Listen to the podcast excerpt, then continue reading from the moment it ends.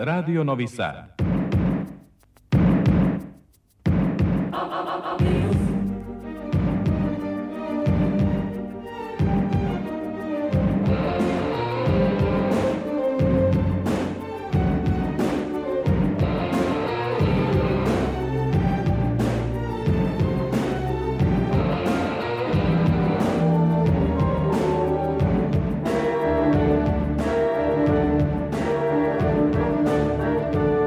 Spektar.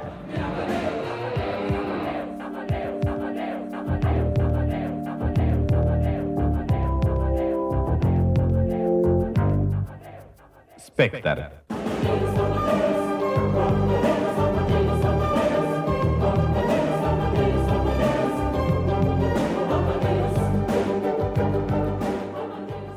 Petak je 22 sata 11 minuta. Potrošili smo već i pola septembra. Počinje još jedan spektar, magazin prvog programa radija Radio Televizije Vojvodine za kulturu i o kulturi. Ja sam Tatjana Novčić-Matijević, želim vam dobrodošlicu.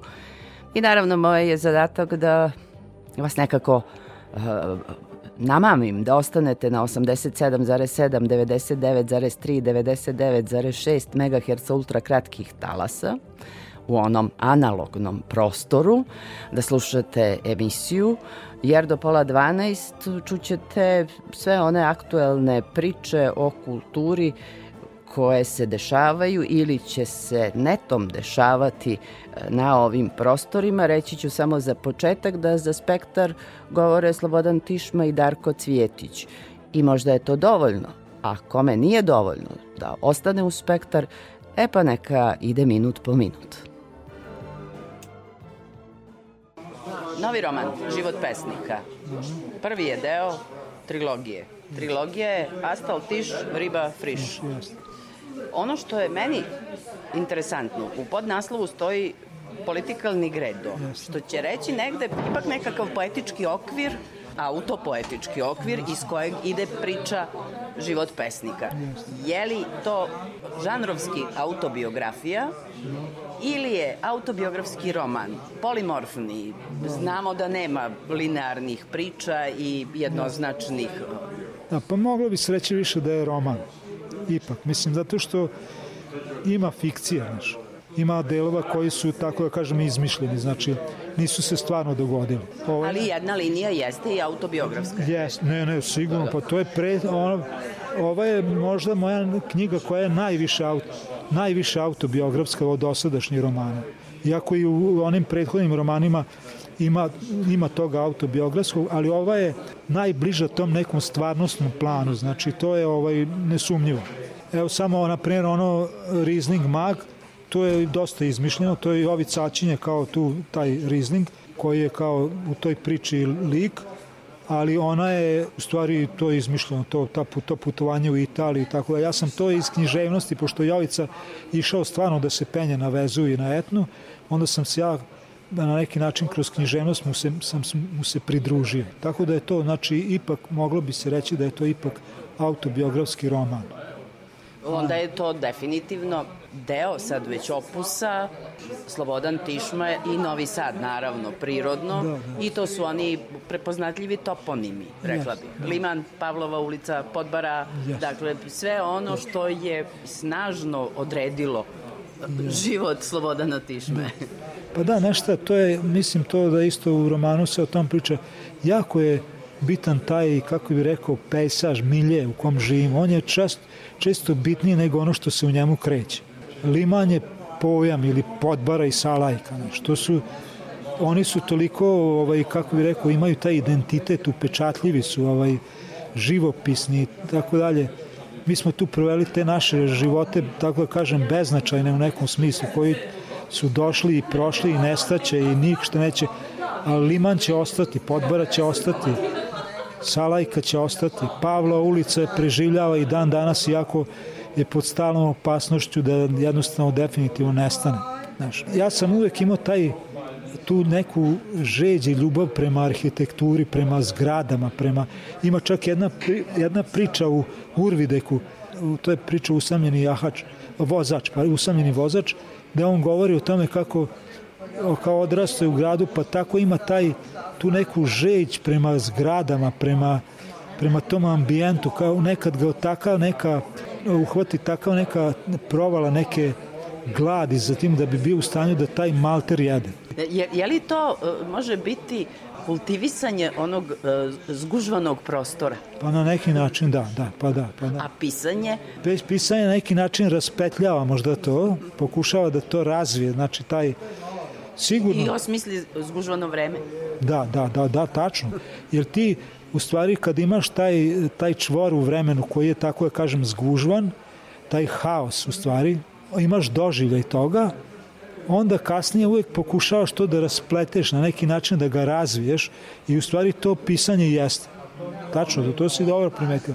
Znači, pisanje jeste to raspetljavanje vremena, pokušaj da ga na neki način a, transparentno bude, da ga prikažem.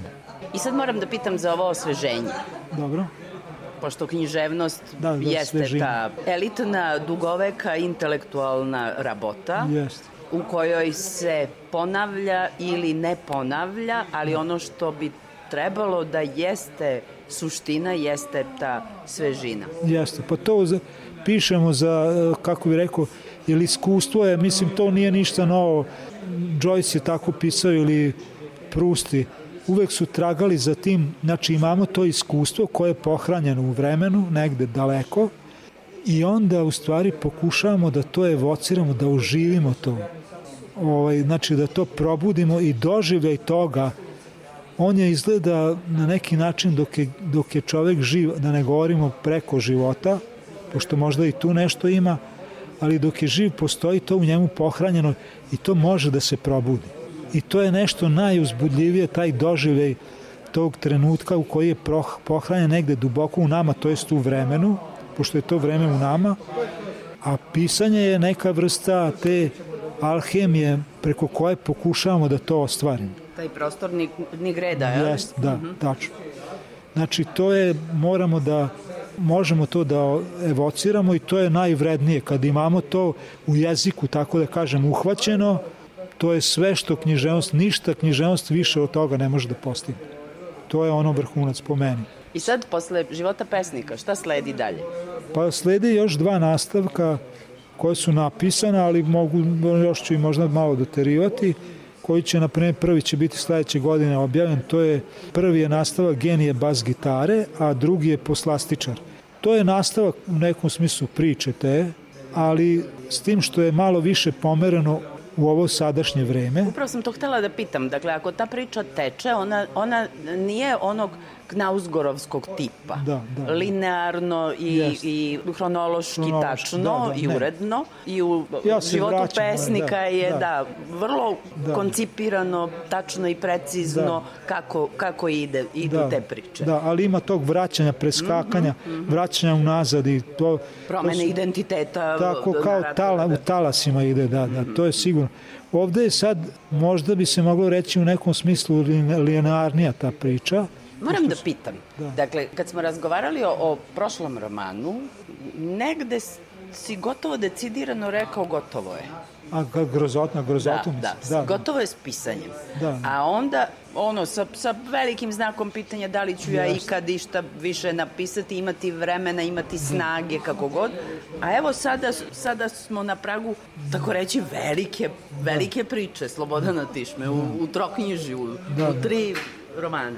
Znaš šta, to je sad taj problem, mislim, sa grozotom Ilije, to je ja jednom dosta traumatično iskustvo, naj, nešto najteže što sam doživao u vezi tog romana. Zato što je došlo do jednog nesporazuma, pošto sam ja najavljivao da ću da pišem ovaj, o Srebrnici, znači o tom šta se dogodilo u Bosni, i počeo sam da pišem, međutim ja sam shvatio da sam nemoćan, da ne mogu, da, da ja jednostavno to ne mogu da iznesem, mislim, tu temu. Posebno je problem bio što ja inače pišem uvek iz iskustva, znači pišem u prvom licu i pišem iz iskustva i to je neki moj, tako da kažem, pristup književnosti. Ovde sam bio nemoćan iz jednostavnog razloga zato što ja nisam to iskustio, ja nisam tamo bio kada se to dogodilo, imao sam informacije samo preko medija, znamo dobro sad da ne pričamo o tome kakav je to problem, I ja sam se našao pred jednim jako, postavio sam sebi jedan nerešiv problem. Međutim, nisam hteo da odustanem.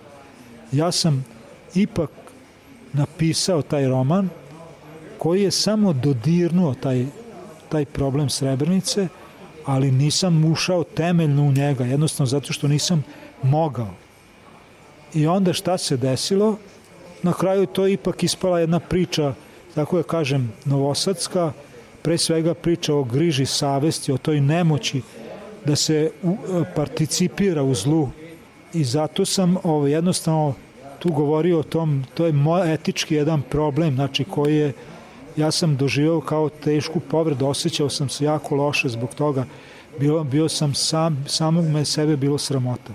Kad, sam ja ipak to sve napisao, znači prikazao sam tog nekog jadnog umetnika koji nešto kao ima neke informacije o tome i tako dalje, ali u stvari ja sam tu dao nedvosmisleno u, u grozoti postoje potresne stranice o toj o to, o to kako bih rekao, sa patnji, da kažem. To je povređenosti čovjeka pri pomisli da je negde ubijeno. Ja sam posebno sam tematizao te situacije gde su očevi sa sinovima maloletnim bili stradali. To je arhetipska situacija. To se događa, to se sigurno ne događa samo u Bosni. To se dogodilo sijaset puta diljem sveta, mislim, gde, je to, gde su se događali ratovi. Ništa strašnije nema nego kad očevi ne mogu da zaštite decu svoju. I to se upravo u Srebrenici događalo. Da li se to zvalo genocid ili masakr i tako dalje, ja ne ulazim u to. Ja nisam dao pravnu definiciju. Da, da to prevazilazi mene su, pisateljski mene su, mene su optužili da sam ja negirao genocid u Srebrenici. Zato što nisam koristio reč genocid. Mislim, to je absurd. Ja, ja nisam koristio reč genocid. Zašto? Iz prostog razloga. Zato što ta reč, tu reč nisam mogao da stavim u usta Stiva Naiva, tog glavnog junaka, jer on i ne zna šta je to. To je čisto taj zahtev, mislim, literarni, znači to bi bila jedna a, nešto što je bilo, bilo neprimereno da to koriste. I Zlatko Paković, koji je bio zainteresan, on me je optužio da sam ja negirao genocid u Srebrenici, ali nisam ni u, jed, ni u jednog momenta nisam spomenuo genocid. Mislim, pa to je, mislim, naravno, mene je to stravično povredilo i mislim, mene i na neki način osramotilo i mnogi ljudi su mi okrenuli leđa zbog toga. Mnogi koji nisu ni čitali knjigu. I ne, nesamerljiv je bol tih ljudi, patnja koji su, nema načina da se u to uđe. Nema načina, to je, patnja je strašna. Ljudi misle da će to, tako što će to ovaj, kako bi rekao, definisati kao genocid, pa će onda moći to nekako da prihvate i da se pomire s tim. To ništa nije. Nije dovoljna ta reč. Pa da, nije da. dovoljna, pa to ništa, žrtve nemaju od toga ništa. To je čisto istorijski, ja, dobro, treba da se odredi kao genocid i da se, da se osudi, mislim, kao zlo, ratni zločin i tako dalje. Ja nemam ništa protiv toga, ali ne treba od toga praviti, mislim, sada da je to nešto što je presudno Srebrenica je Srebrenica, ne postoji tu nikakva druga reč koja može to da definiše. To je ono što, ono što se tamo dogodilo, to je užas, to je nešto najstrašnije, to je tragedija ljudskog postojanja. Ja se ne stidim te knjige, ali mi je žao što je recepcija bila katastrofalna i nerazumevanje. Da, bio je to Slobodan Tišma. Malo o novom romanu, život pesnika, a pomalo i o nerazumevanju oko pređašnjeg romana Grozota.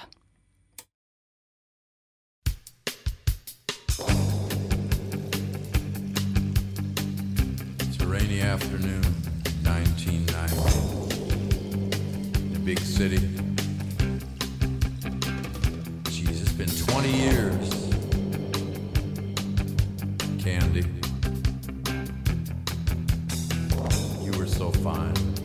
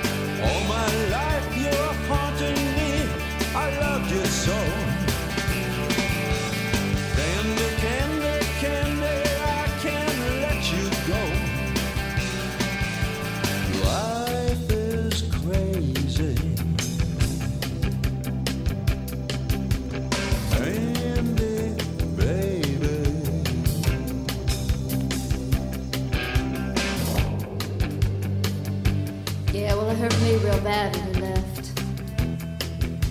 Hell, I'm glad you got out, but but I miss you.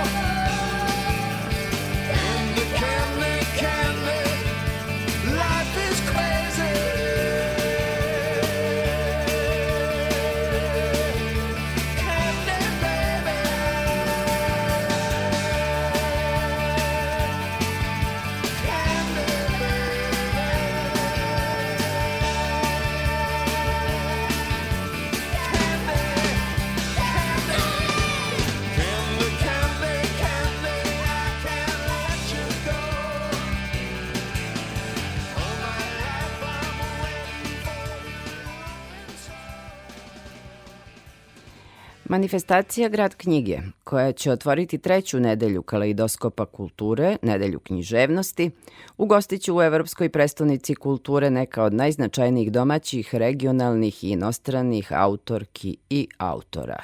Mesto dešavanja Spens, vreme, sutra i preko sutra, već sutra od 17 sati počeće ili desit će se Noć književnosti, a ta nedelja književnosti nastavit će se u ponedeljak u Kulturnom centru u Novom Sadu, pa sad već tradicionalnom manifestacijom, odnosno Proze Festom, festivalom Međunarodnim festivalom književnosti, o programu selektorka i urednica Mirjana Frau Gardinovački.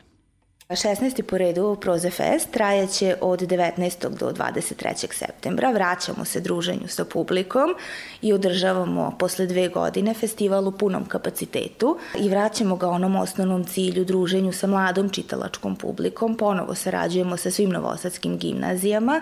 Novosadski gimnazijalci su tu kao i ranije u ulozi književnih kritičara. Oni će pored renomiranih imena što se tiče književne kritike biti i oni novi glasovi koji će voditi razgovore sa piscima. Ove godine na festivalu gostuje Laslo Krasnahorkaj, pisac iz Mađarske, tu je i Andrew Krumi iz Škotske, Aleš Teger iz Slovenije, Venkon Donovski iz Severne Makedonije, Senka Marić iz Bosne i Hercegovine, Kristijan Novak iz Hrvatske i iz Srbije Ana Vučković i Marijan Čakarević. Povratna informacija koju za sada imamo jeste da je jako velika zainteresovana što za Krasna Horka i što za Kristijana Novaka koji je jako popularan naročito među mlađim generacijama, ali i Ana Vučković koja je svojim poslednjim romanom stekla jako veliku čitalačku publiku.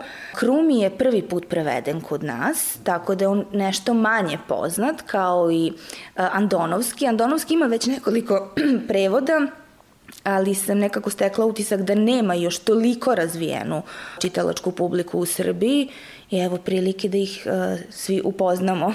Ba ba ba ba ba baran. Ba ba ba ba ba ran. Oh ba ba ba ba ba ran. Ba ba ba ba ba ran. Ba ba ba ba ba ran. You got me rocking and rolling, rocking and reeling, ba. Ba ba ba ba ran. Went to a dance, looking for romance. Saw Barbara Ann, so I thought I'd take a chance with Barbara Ann. Barbara Ann.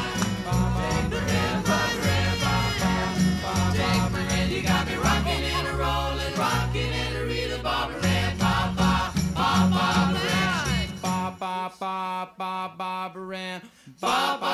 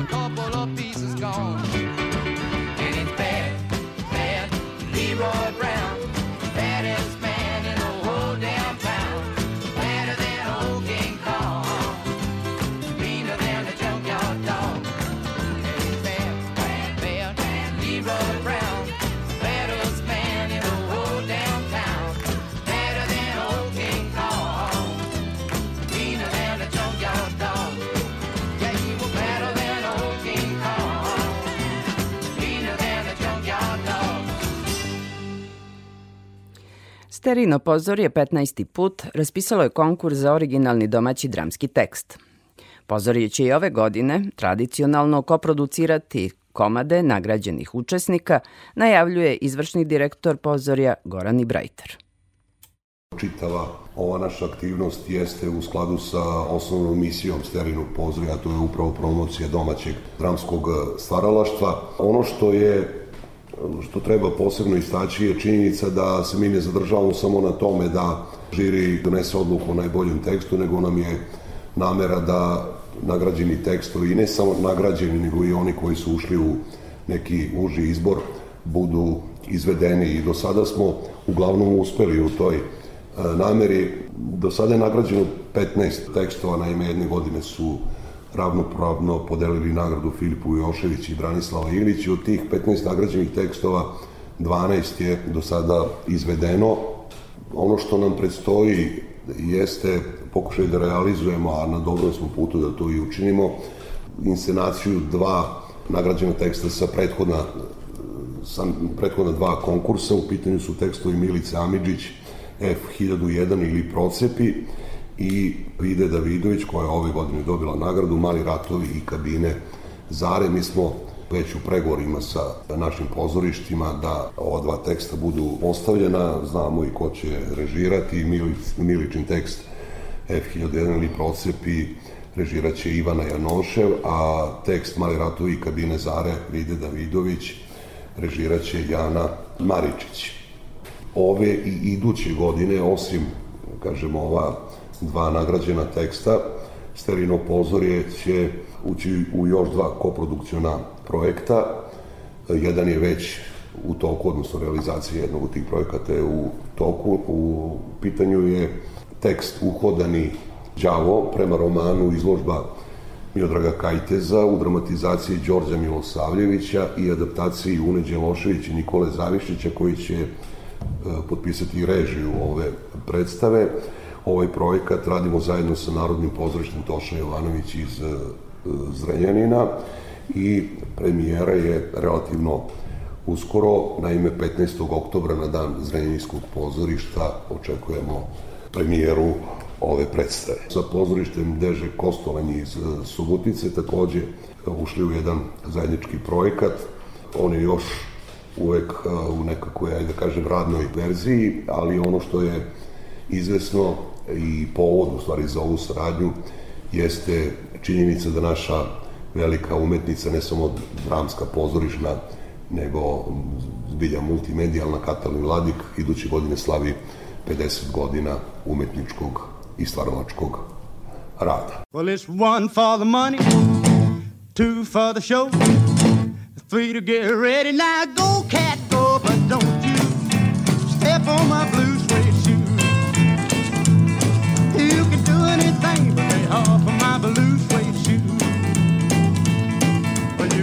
me down, step in my face, slander my name all over the place, and do anything that you wanna do. But uh-uh, honey, lay off of my shoes and don't you step on my blue suede shoe. You can do anything but lay off of my blue suede shoe.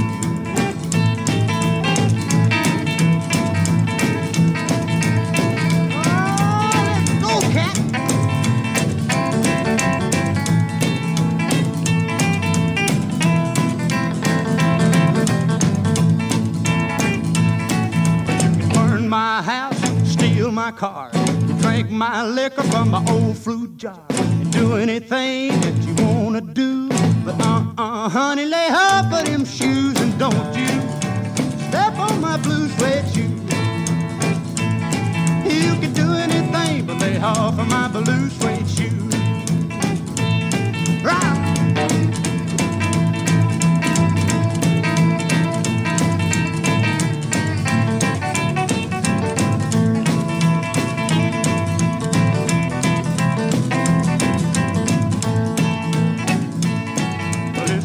For the money, two for the show, three to get ready. Now go, cat, go, but don't you step on my blue suede shoe.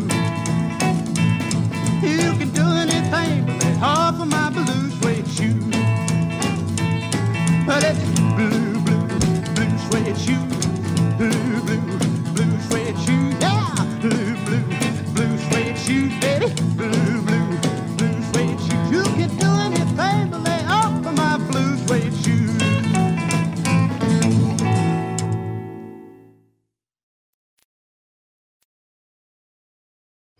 Drama Srpskog narodnog pozorišta otvara novu sezonu premijerom predstave Što na podu spavaš, Darka Cvjetića u režiji dramatizaciji Kokana Mladenovića. Komad je podsjećanje na jednu razorenu državu, mnogo uništenih mladosti i porodica. Što na podu spavaš, priča je o Cvjetićevom mlađem bratu Boti, koji je sa 18 godina otišao na služenje redovnog vojnog roka u zemlju u kojoj je već bila sukoba. Koliko je bolno sresti se sa likovima koji su stvarni, a fiktivni, a i koliko je teško ponovo proživeti sve nedaće, patnje i strahove. O tome Darko Cvjetić u razgovoru sa Vesnom Farkaš. Velika mi je sreća, zaista velika sreća što danas imam prilike da razgovaram sa Darkom Cvjetićem, sad ćemo da kažemo prvo književnik, pa onda pesnik, pa onda dramaturg, pa onda glumac, ali čini mi se da je u ovom projektu koji trenutno radi u Novom Sadu sve zajedno. Zapravo prvenstveno pisac, prvenstveno pjesnik i to je nekakva moja osnovna vokacija. Sve ostalo je o, pridodata vrijednost, ajde kako to, to kažemo nekim matematičkim izrazom. O, tako da sam imao silnu sreću da se evo i moj drugi roman uprizoruje i da ga uprizoruje veliki Koka Mladenović, tako da puno se sretnih faktora dogodilo unazad 3-4 godine. Mi smo imali prilike na sajmu knjiga da slušamo odlomke i da ih vi čitate, što na podu spavaš, ali nisam ni očekivala da će vrlo brzo doći do realizacije kako se uprizoruje i ovaj vaš drugi roman. E, Koliko je teško sresti se sa likovima koji su tu stvarni, a možda su i imaginarni, a koliko je teško, odnosno zapravo možda i najteže, sresti se sa samim sobom. Kroz čitav proces ovog rada, jer vi ste ovde u ovoj predstavi i glumac. Da, vrlo je, vrlo je, vrlo je zapravo emotivno, jedan vrlo emotivna velika bura koju ja sam možda donekle očekivao, ali nisam u samom procesu očekivao da će ta bura biti baš toliko valovita. Doista je to graniči sa jednom vrstu suludošti da se nađete na pozornici sa likovima koji jesu doista bili stvarni ili likovima koji ste vi domaštali da bi priča mogla biti pričom. Tako da tu ima je nekakvog nekakvog kontakta sa šizofrenijom, sa, sa nekim pojmovima, vjerojatno iz medicine, ali koji su meni bili vrlo emotivni, vrlo, kako bih rekao, teški. Bili su mi i ne samo kao glumački zadatak koji je reditelj postavio, nego zapravo prije svega kroz jednu emotivnu, morate se probiti kroz jednu emotivnu opnu koju ste zapravo stavivši tačku na kraj romana smatrali da ste dovršili tu priču. Međutim, ovo je novo otvaranje, nova priča. Uh, gospodin Mladenović kad je u kamernom teatru radio Schindlerov lift, to je bilo za mene puno jasnije iskustvo jer ja ga nisam izravno bio u to uključen, nego sam promatrao sa strane i uživao.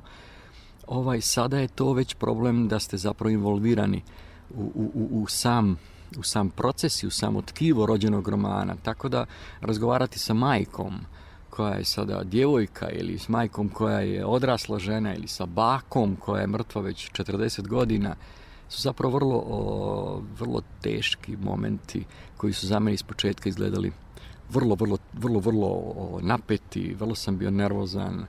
Vidio sam da i kolege su isto tako vrlo iznenađene, jer i za njih je to jedan novum da rade na, na pozornici sa onim koji ih je napisao. Tako da je to za sve nas jedno vrlo posebno možda brehtovsko, brehtovsko iskustvo kontakta sa, sa zapravo likom koji je napisao sve to, Kada pogledate mladi bota koji odlazi na osluženje vojnog roka u već raspadnutoj zemlji, kako ga principirate? Šta on uopšte zna, zapravo koliko ne zna sa tih 18 godina? Pa taj dječak, znate, čovjek kad se vrati u sobstvene godine, kad je imao 17-18 godina, pa doista, ja imam kćerku koja već ima 26-7 godina, pa i dalje smatram divojčicom i mogu da je zamislim 10 godina ranije, kako je to tek bilo dijete prije deseta godina, I onda kad sebe vratim u tu situaciju početka rata 91. druge godine, onda shvatim koliko je zapravo koliko su ta djeca, ti, ta, ti silni klinci koji su bili zarobljavani po kasarnama, koliko su bili zbunjeni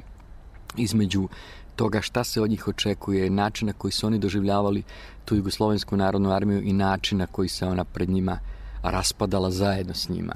Gdje su oni vidjeli smrti svoje kolega, izvlačili svoje drugare. To je još uvijek bila Jugoslavenska narodna armija, dakle još uvijek su u njoj bili klinci koji su i Srbi, i Hrvati, i Bošnjaci, i Slovenci i tako dalje. Tako da su svi oni bili zapravo uplašena djeca koja ništa apsolutno nisu razumijevali. Ja sam posle dugo s bratom razgovarao pokušavajući da to njegovo iskustvo pretoči, zap- zapravo da ga zaledim za nekakvo buduće vrijeme kad dođu neki drugi ljudi koji će možda valorizirati na puno pravilniji, iskreniji ili odmjereniji način sa svim onim što se dogodilo. Ali to njegovo iskustvo ga je obilježilo, on nikada više nije postao isti čovjek, on je otišao kao dječak, vratio se kao ostarjeli čovjek. Došao je potpuno sjed nakon godinu dana, ga niko od mama ni tata ni ja nisu mogli vjerovati da je to on. Je potpuno promijenjen, moj mlađi brat je odjedan puta postao moj stariji brat i tako je ostalo zapravo. Oni, oni su otišli u Ameriku poslije toga, ali e, u nekakvoj percepciji svijeta te uloge su se naglo zamijenile. Ja sam ostao za uvijek zapravo mlađi brat, a on je zapravo naglo odrastao i na neki način ta priča, cijela priča što na podu spavaš je prizma raspada Jugoslavije kroz jednu obitelj. Kroz to je, ja sam uzeo svoju, zato što je nju najbolje poznajem i što je ona mješoviti, takozvani mješoviti brak, jer e, srpsko-hrvatski brak iz kojega sam ja zapravo, odnosno mješoviti brakovi su vjerojatno bile najveće žrtve ovoga užasa, jer se morali zapravo da se odlučujete koja polovica vas pripada jednoj, koja polovica vas pripada drugoj strani. Ja naravno ne pripadam niti danas, niti onda, niti ikada ikome. Pokušavao sam i pokušavam zadržati taj neki tu nekakvu elementarnu individualnu pristojnost i prema sebi prema svima ljudima koji su mene činili. Kopajući po svojoj biografiji našao sam tu gomilu, gomilu, kako bih rekao, krakova u porijeklu, tako da tu ima svega i svačega i to je potpuno normalno. I svako bi kad bi zapravo htio da prokopa malo po svojoj prošlosti, uvidio bi da to uopće nije tako jednostrano ili jednoobrazno kako to ljudi doživljavaju, nego da smo mi svi vrlo složena bića i kada se takva složena bića nađu u jednoj takvoj ludačkoj složenoj situaciji, svako od nas reagira različito. Neko se, to sam vidio rođenim očima, preobraćuje u zločinca, neko se preobraćuje u, u beskrajno dobru i toplu osobu koja dijeli ljubav i pokušava spasiti ljude oko sebe. Tako da smatram i nadam se i vrlo sam ponosan što su što je moj mali, roman ujedinio zapravo tri velika teatra iz nekadašnje zemlje, današnje tri male zemlje, i dakle govorimo o gradskom kazalištu Gavela, o Srpskom narodnom pozorištu u Novom Sadu i Narodnom pozorištu Sarajevu. Pogotovo sam ponosan na kolege iz Narodnog pozorišta u Sarajevu, jer se ta priča o mome bratu događala u Sarajevu i to je na neki način trauma tačka za, za sredinu kako je Sarajevo, kao što je Schindlerov lift na neki način bila trauma tačka Prijedora Smatram da je do, prošlo dovoljno vremena, tri desetljeća su dovoljne da se možemo pogledati u ogledalo, da nekakav dug generacijski a, ostavimo, barem koliko je to moguće ljudski, čistima za one koji dolaze.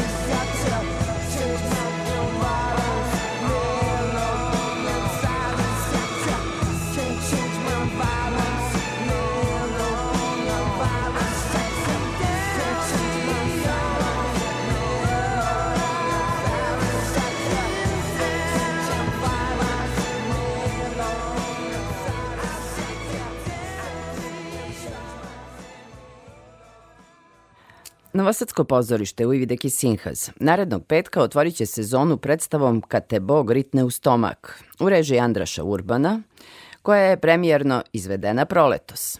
O planovima u novoj sezoni umetnički direktor Robert Lenard u razgovoru sa Anom Čupić. Novosadsko pozorište, odnosno Ujvideki Sinhaz, je nastalo pre 50 godina kao pozorište koje bi trebalo da očuva kulturni identitet Mađara u Vojvodini, a danas je ono posećeno od strane svih novosađana, vojvođana, pa čak i ljudi iz Beograda i Srbije dolaze da gledaju predstave. Pošto smo nestrpljivi jako, kada možemo da očekujemo početak nove sezone? Početak nove sezone je jako blizu, 23. će biti početak nove sezone sa predstavom Kad te Bog ritne u stomak u režiji Andraša Urbana.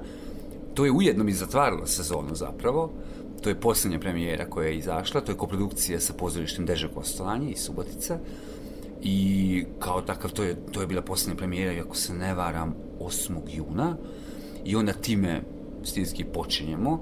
I to je još jedan razlog je za to da je jako blizu dan mađarske drame, to je 21. septembar. I prosto mislimo da to moramo da proslavimo jel da, mađarskom dramom, mađarskom spisateljicom još iz Vojvodine, iz Subotice, Iliko Lovaš, po njenom romanu je rađen, rađena predstava i jako malo ljudi je to gledao u Novom Sadu zato što jednom smo izveli i jednom prepremijernu.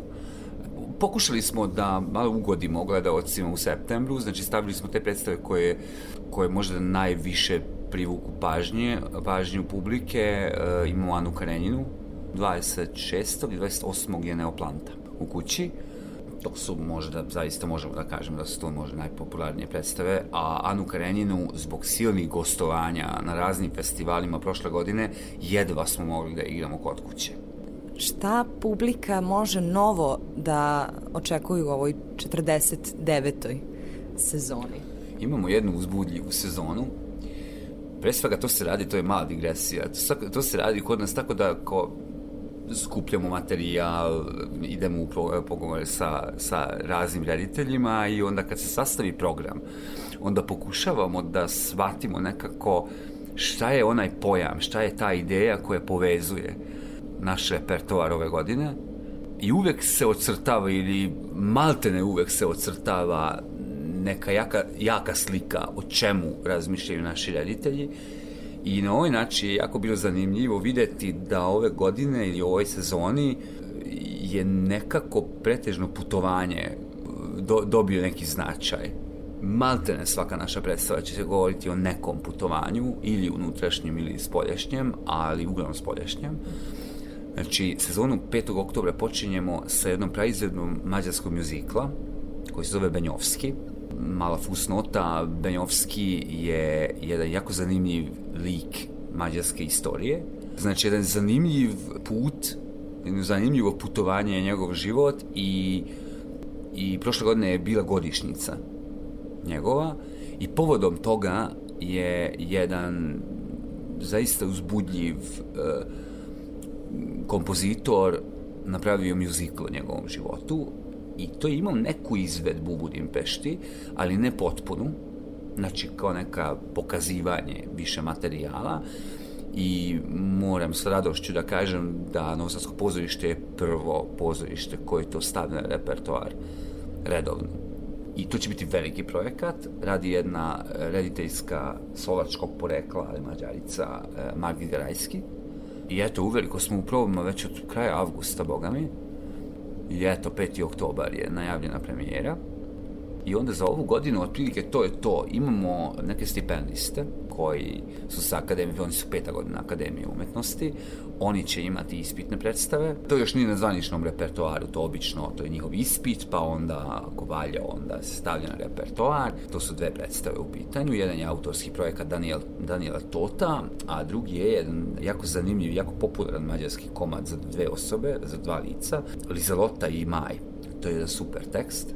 E, To će imati premijeru u ponedeljak. A dobro, to su tako nulte predstave u mesecu. I onda mala pauzica, koja, mislim, nije pauza, zapravo mi radimo ko ludi, dolazi Synergy Festival, peti, koji je i tekako važan projekat EPK, Evropske predstavnice kulture, i peto izvođenje kao nešto polujubilarno. Pa ćemo zvati sve one veoma uspešne trupe koji su bili naši gosti prethodnih, pa pet godina, zato što jedna, jednu smo preskočili zbog pandemije. I eto, veoma uzbudljivo, to će biti u decembru. Posle tog veoma uzbudljivog decembra odemo na božićni raspust. I u januaru počinjemo novi projekat, e to će biti, to donekle se i vezuje za, za Synergy Festival, pošto tamo smo mi upoznali Romana Nikolića, Romano Nikolić, možda neki znaju, on je pre svega glumac, ali pre nekoliko godina počeo da se bavi režijom i to sa jako zanimljivim autorskim projektima. Uglavnom izoštrenim za ljudska prava ili određena neka ljudska prava. To mogu već odati tu tajnu da najvjerovatnije će biti njegova predstava na Sinerčiju Nova iz Zagreba. U ITD teatru je režirao Buru, ne Šekspirovu, nego, nego jednu Buru kao autorski projekat koji govori o migrantskoj krizi. A ovdje će se e, baviti Antigonom, ne baš Sofoklovom, nego opet će biti autorski projekat na temu ženskih prava. Sledeće naše putovanje je pozorišno putovanje putujuće pozorište Šupalović, Ljubomira Simovića. To režira naša mlada rediteljka Margareta Taboroši, ona radi na akademiji. Ona je prvo završila glumu u Novom Sadu, pa je završila koreografiju i režiju u Budimpešti. I eto sad treći put dolazi da, da nam radi i to je koprodukcija sa Akademijom umetnosti. Znači igraće mađarska klasa sa četvrta godine. U toj predstavi i onda imamo još jedan musical. Malo smo preterali sa tmurnim predstavama prošle godine. Što ne kažem da nije bilo ispravno i ne kažem da za tmurna vremena ne trebaju tmurne predstave. Ja zaista ne mislim da predstava treba da bude antiteza realnosti. Neće to biti tako veselo. Radimo Kapetana Nema od Žila Berna, ali svojevrsnu adaptaciju pravimo i predstava će biti izoštrena na klimatsku anksioznost. Mislim će prvi čovek koji je u, u naučno-fantastičnom romanu napisao da eto, treba da pazimo na ledene bregove zato što ubrzo se topi, to je upravo bio on, još u 19. veku. Znači, mislim da ima smisla malo pozabaviti tom tematikom s njim. Apsolutno i uvek je lepo videti nova lica, nove mlade ljude, nove projekte. Vi u ovoj sezoni nudite bogat repertoar. Pa da, što se tiče mladih ljudi, iskreno, Akademija umetnosti je na, na 100 metara odavde. Znači, bili smo ludi ako ne bismo ih koristili na taj način, a njima je to praksa, a, a mi smo zaista ono, veoma zahvalni što, si oni, što su oni tu i što oni eto, rade sa nama. Da li će ova sezona biti zagrevanje za narednu jubilarnu veliku 50. Pa s jedne strane sigurno treba da se zagreva, sa druge strane ne, pa mislim radimo svoj posao, radimo predstavu, očekujemo ljudi da to gledaju i da to vole, ali naravno moramo razmišljati o 24. kada je 50. godišnica Novosadskog pozorišta. Već imamo neke ideje kako to da proslavimo, ali verovatno će biti isto kao na 40. da ta proslava neće biti kao jedna prilika u januaru, kao rođendan pozorišta 27. januara, nego na- najverovatnije će se slaviti bukvalno cele godine 24 to je, to je bilo i za 40. znači tu je bila, bio poseban praznik i, i rođendan i zatvaranje sezone i otvaranje nove sezone i bukvalno ta cela godina je bila posvećena tome i mislim da bi to trebalo da bude ovako i sada jednostavno prevelika je cifra mislim pola veka pozorišta na ovom mestu, podobno ne, ne obavezno ovo mesto nismo počeli ono u ovoj zgradi, ali eto, Novosadsko pozorište postoji pa sad 49 godina i to je zaista ogromna cifra. I've heard people say that too much of anything is not good for you, baby. But I don't know about that.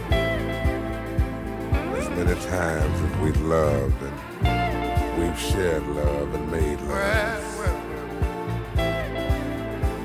doesn't seem to me like it's enough. It's just not oh. enough, baby. It's just not enough. Oh, oh, baby. My darling, I can't get enough of your love, babe.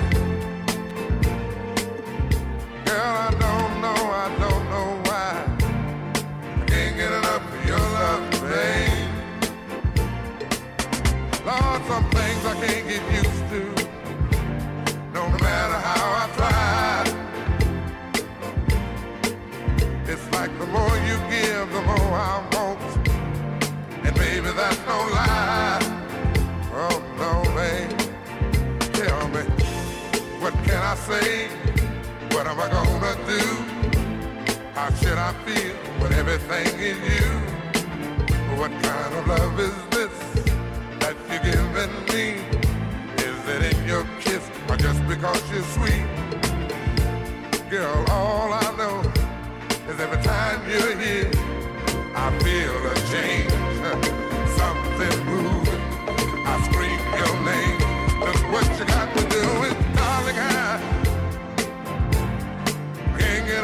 love, baby.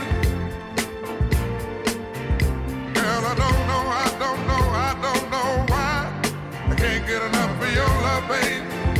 Oh no, baby. Girl, if I could only make you see and make you understand.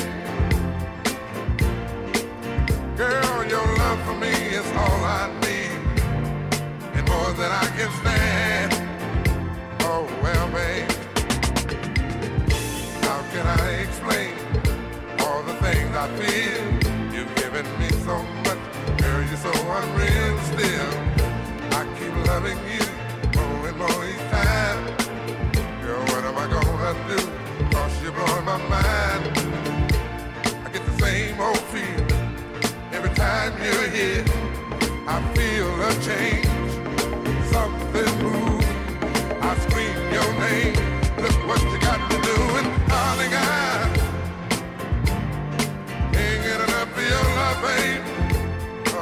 Oh. Girl, I don't know, I don't know, I don't know why. Can't get enough of your love, babe. Oh, my can't get enough of your love, baby. Oh, baby. Girl, I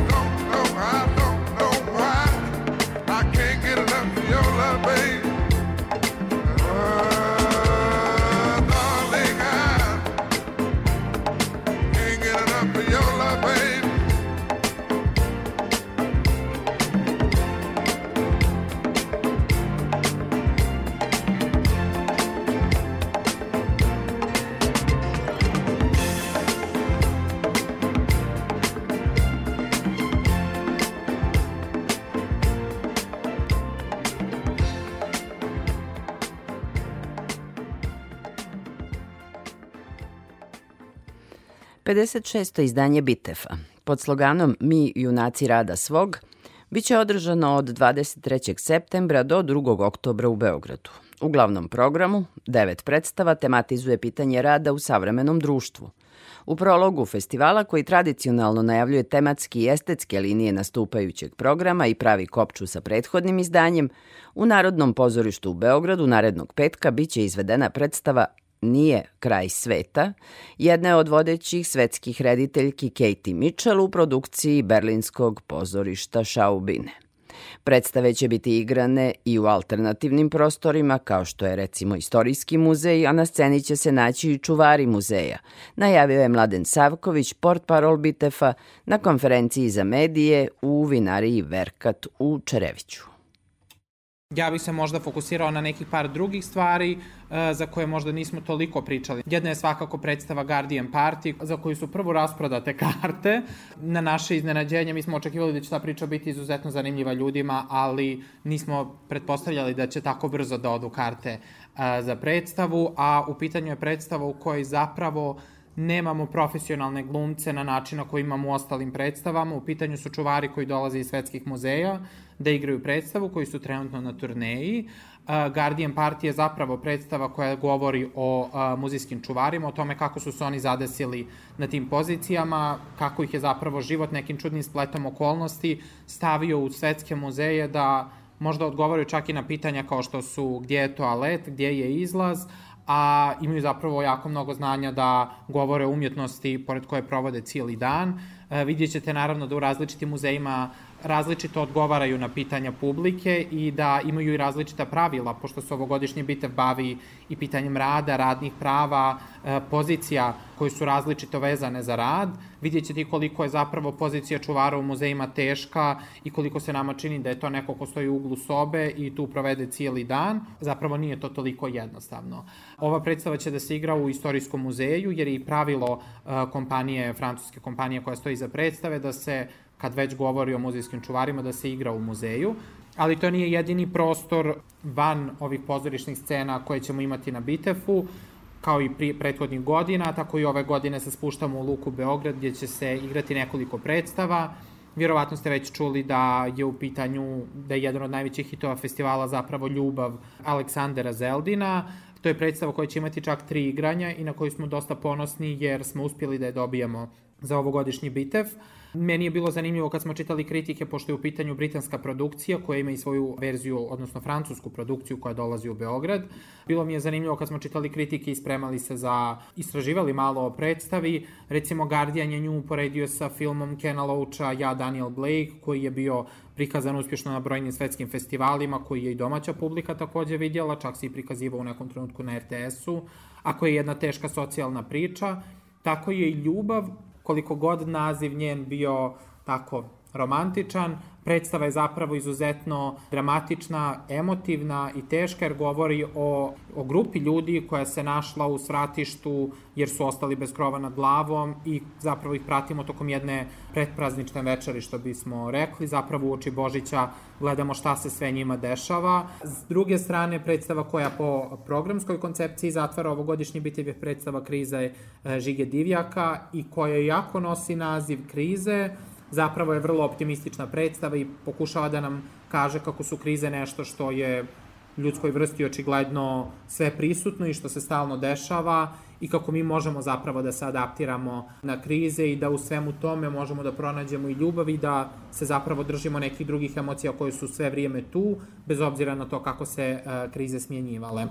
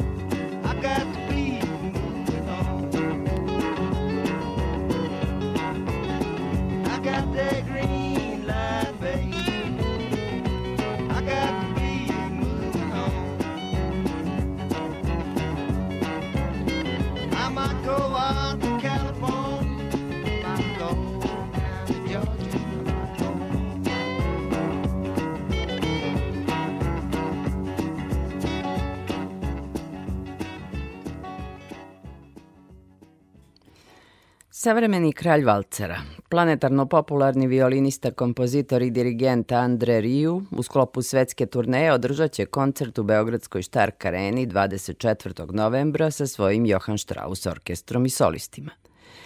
Glavni krivac ili odgovoran za njegov dolazak u Srbiju je naš čuveni tenor Bela Mavrak, koji je u poslednjih 18 godina nastupio na više od 1400 koncerata holandskog muzičara u velikim dvoranama na olimpijskim i futbolskim stadionima i trgovima širom sveta. U karijeri dugoj tri decenije Mavrak je otpevao 18 glavnih operskih rola i 43 različita oratorijuma. Sarađivao je sa mnogim svetskim muzičarima, snimio je album sa zvezdama čuvenog Buena Vista Social Cluba. Prilikom nedavne posete Novom Sadu, naš tenor bio je gost i u radiju Novom Sadu. Sa njim je razgovarala Ivana Maletin-Ćorilić. Kakva su očekivanja? Jeste li se uželeli beogradske publike? Naravno, ja sam bio krivac u stvari zato da smo napokon nastupali, uopšte nastupali u Beogradu, prvi naš koncert. Nagovarao sam ga najmanje jedno pet godina da dođemo za Beograd i onda kad sam ga nagovorio, onda jednom se prilikom sećam e, uveče pre jednog koncerta je zvao njegov bodyguard, telokranitelj me zvao da dođem do njega u njegovu sobicu i onda me kaže daj uzmi, e, uzmi moj e, telefon, uzeo sam njegov iPhone i pitao je kako, kako se kaže e, na, na srpskom e, zdravo prijatelji. To sam ga naučio, onda je ovaj e, najavio taj koncert za, za Beograd i ja sam bio jako sretan. Bilo je, ja mislim, preko 15.000 ljudi u Štark areni i e, evo sad napokon e, nakon dve godine pandemije e, odloženja i svega svačega evo sad stižemo i dolazimo svi očekujemo ponovo evo sledeći drugi nastup u Beogradu Da je li Andrej bio iznenađen e, prijemom kod beogradske publike? Pretpostavljam da nije imao predstavu da ima takvo jezgro publike u Srbiji. Tako je, to sam ja već njemu naglasio, kažem, nije važno koliko imaju para ljudi, ako imaju toliko para kupit će kartu i ovako i onako, jer mi smo takav narod ovde pasionalni, e, sa osjećajem, u stvari emotivni i video je na kraju da, da je imao veliki uspeh i verujem da ćemo sad uvrstati standardno u naše turneje Beograd jer e, eto to, to nam se i sviđa i kada je publika takva jer e, kao jedan bumerang koji baciš i dođe nazad, vrati se nazad i mi to osjećamo na pozornici i, i mi idemo isto tako srećni kućama kao što je naša publika. Kako je došlo do saradnje sa savremenim kraljem Valcera i koliko je to negde odredilo i vašu karijeru? Pa evo, skoro 18 godina sarađujem sa Andrerijom. To je bilo davne 2004. godine. Sećam se da sam ja imao jedan e, ugovor već e, u Švajcarskoj da pevam e, Lukreciju Borđu jednu operu u glavnu tenonsku ulogu i da nisam mogu da izađem iz tog ugovora ni da sam imao velike komplikacije na kraju, ali sam e, uspeo, naš menadžer tadašnji nas je izvadio iz tog ugovora, tako da sam mogu da počnem da radim s njim. On je obećao u početku samo jednu e, svetsku turneju zajedno, e, godinu dana turneju, tako on to čini sa nekim njegovim e, umetnicima, gostima, ali je onda sve to jako dobro pasovalo zajedno i neki američki njegov menadžer tamo koji je pravio američku turneju je rekao ti moraš da zadržiš ove e, tenore, nas kao tr- tri tenora. Je da trojici Platin- platinastih da, tenora. platinasti tenori, da. On je produžio tada ugovor sa nama e, još jednu godinu i evo posle toga se je i rekao ne trebamo više da pravimo ugovore, kaže dok ja stojim na pozornici vi ćete biti sa mnom. I tako već 18 godina radim s njim, imam oko stotinu koncerata godišnje sa njim i ako tako gledam, da, e, negde sam izračunao da sam preko 1400 koncerta otpevao s njim e, do sada u liniji e, nisam ni jednu otkazao i to sam je verovatno jedini pevač na svetu koji može da i da dokaže. Naravno, ako da pogledam našu administraciju u Maastrichtu kod njega, mogu da i dokažem da sam otpevao 1400 koncerta u redu i nisam ni jedno otkazao. Što je za operskog pevača izuzetno zahtevno, pogotovo tenora. Ili imate neku tajnu kako uspevate da održite formu? Pa jeste, baš je tako ovaj, i sad sam malo preklađen i do, događa se to, nisam ni ja e, robot, e, ali nekako sam se uspeo izbaviti i nekako otpevati e, svoj koncert. Mada ne pevamo neke male pesme Značajan za decu. udeo imate u Pe- koncertu. Pevamo svaki put jedno 8-9 numera u, u njegovom šovu i to teške arije kao što su Nesom Dorma koju pevamo standardno i imamo veliki uspeh sa, sa standing ovations, ovacije. Ali ja mislim da sam ja iz ovih područja ponikao i tu sam dobio neku svoju ne znam, sigurnost, onako kao Lala, onako tanmani, nekako ćemo uspeti. I tako sam ja uvek uspeo, ali moram da kažem da imam verovatno i dosta dobru tehniku, jer ako imaš jednu dobru tehniku, onda možda balansiraš e, grudni i glavlji rezonator kod nas pevača, e, nekako balansiram i izguram do kraja. Ja sam imao čast da učim kod najvećih bel canto pevača svetskih u Italiji isto, koji su mi naučili tajnu bel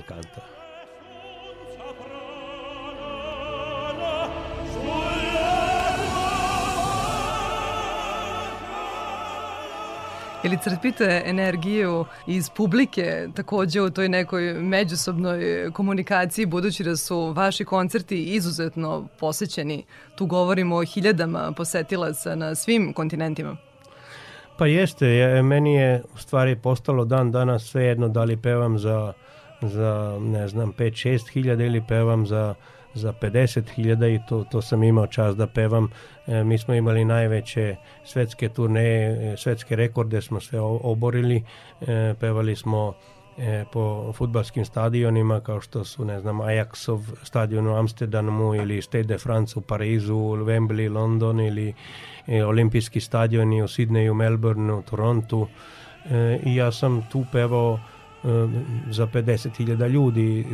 To je razlika između klasik showa šta u stvari Andre Rieu radi sa nama zajedno i jedne operske kuće. Kad sam bio klasični operski pevač, ja mogu da kažem, ja sam moju pevačku kariju koja je već evo, skoro 30 godina, u stvari jeste 30 godina, e, mogu da kažem da sam prvu polovinu pevao kao klasični operski e, i oratorijski tenor, otpevao sam 18 operskih glavnih uloga i 43 različitih oratorijuma kao klasični e, pevač e, je sasvim druga stvar, ali ovde ovo je show u stvari.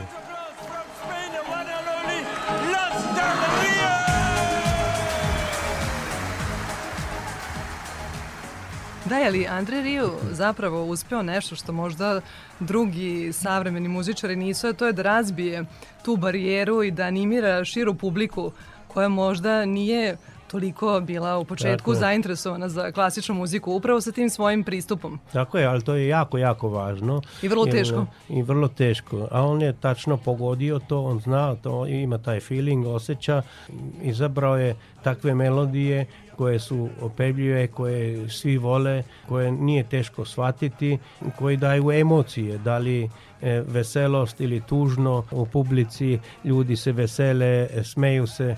Snažne su reakcije. Naravno, naravno. Da. Ali to je jako važno znati za nas e, klasične muzičare, jer ako toga ne bi bilo, te vrste klasik showa, onda nikada niko ne bi približio masu e, klasičnoj muzici. Tu su naravno i bajkoviti kostimi, fenomenalna scenografija, evo da dočaramo malo publici te muzičko-scenske spektakle u velikim dvoranama širom sveta. Više od 100 muzičara je na sceni tokom Pa otprilike turneje. jeste, zavisi koja je turneja, ali e, to je simfonijski orkestar, pa onda ima ne- neki mali horić i onda ima nas solista, tri ženska, tri muška solista i uvek ima specijalne goste još. Tu su svetske zvezde dolazili sa nama da nastupaju. Ja sam lično upoznao i postao prijatelj sa jednim od najvećih svetskih glumaca, Sir Anthony Hopkinsom, Mhm. koji je komponovao, do tada nisam ni znao, jedan, jedan prelepi valcer i mm, André Rieu je izveo premijerno taj valcer, u stvari aranžirao za simfonijski orkestar i izveo. On je bio lično tamo i sećam se kad je bilo svetsko izvođenje u, u Belvedere u, u, u- Beču. On je došao sa svojom suprugom.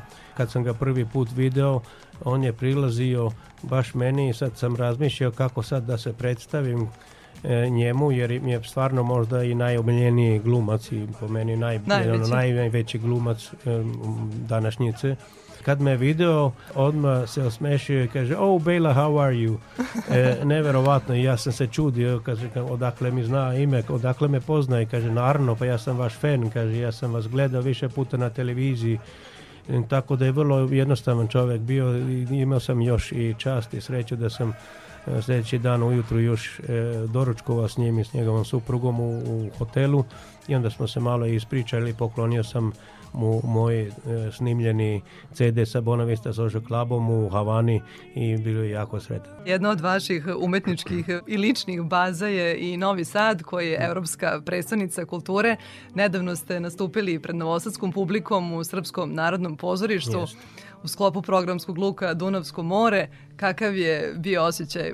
Ja volim Novi Sad i Vojvodinu toliko i Srbiju naravno, ali naš mentalitet vojvođanski mi se jako sviđa i to ne mogu da da nigde da kažem da nisam odavde jer sam i genetski, čak sam upravili e, e, genetski test e, My Heritage e, se može napraviti, se sastojim iz svih naroda i narodnosti ovog područja onako zaokruženo imam e, od svih naroda nešto i zato se i ovdje osjećam kod kući jer moj mentalitet je u stvari za ovo podneblje. Ovdje ja, ja nemam nikakvih nacionalističkih e, barijera nego pripadam ovom podneblju sveta i bilo gde i, i, i, i pričam sa ljudima na zapadu e, ispričam odakle sam i ispričam da je ovdje preko 300 godina pre već postala jedna demokratija, u stvari jedna mala Europska unija.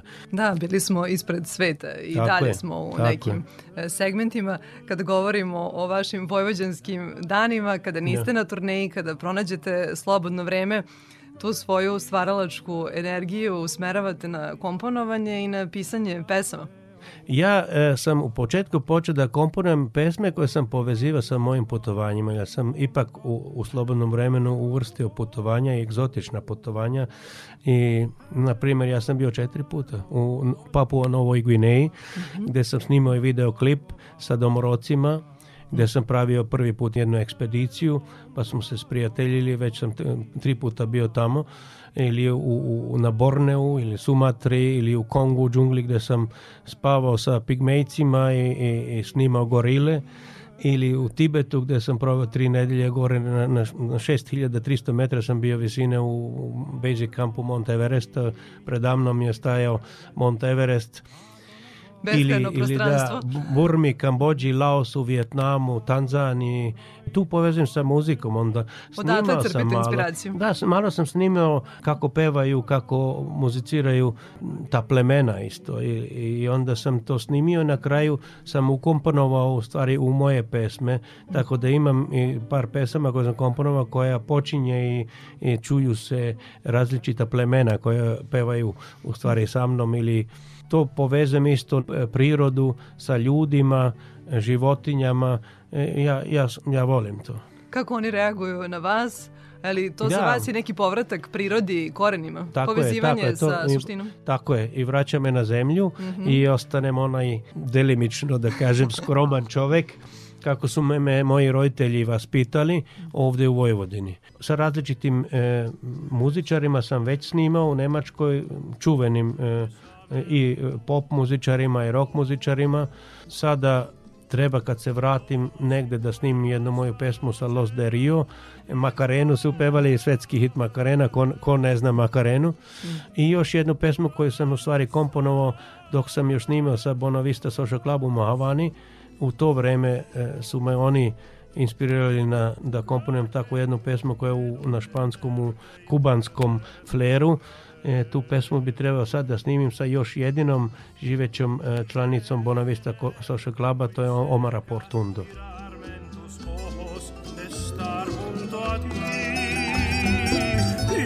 Piensa que tal vez Dali ste mi dobar šlagvort. Jedno posebno poglavlje u vašoj karijeri zauzima Kuba, možemo reći i na ličnom planu, budući da je taj sudbonosni susret sa suprugom i doneo saradnju sa velikim Jeste. bendom kao što je Buena Vista Social Club. Jeste, pa ona je bila profesor, e, u stvari simultani prevodilac engleskog jezika i kad sam stigao na aerodrom u Havanu, čekao me ministar, u stvari koji je bio e, za kulturu zadužen i koji me čekao, e, jer je to bio jedan nemačko-kubanski projekat. E, Moj producent je bio Nemac i on me slao u Havanu da snimim taj CD i ona me čekala i, i sa buketom cveća kao u naše staro vreme, sad, u Titovo vreme u Jugoslaviji koje sam ja napustio tada i e, tu smo se upoznali, posle dve godine smo se i venčali u staroj katedrali u Havani i Bonavista e, prijatelji su mi svirali kao poklon na, na venčanje.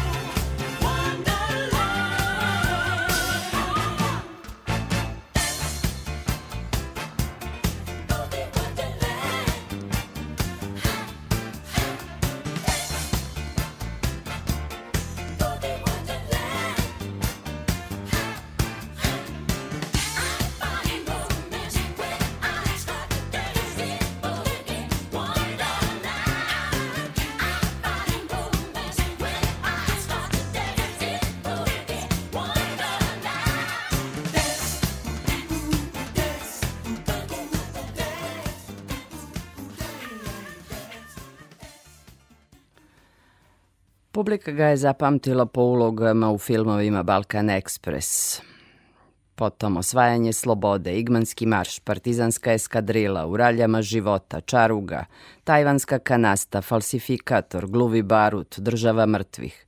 Pozorišna publika u stotinama uloga na svim jugoslovenskim scenama. Dobitnik je dve sterine nagrade, Prešernove nagrade za životno delo, dru, e, Društvo slovenačkih filmskih režisera takođe mu je dodelilo nagradu za životno delo. Da, otišao je i veliki slovenački i pozorišni i jugoslovenski filmski glumac Ratko Polić Rac. Preminuo je juče u 81. godini. Laku noć i dobre snove. Želim vam Tatjana Novčić-Matijević. I narednog petka Spektar, magazin za kulturu na prostorima ovih geografskih širina. Do slušanja.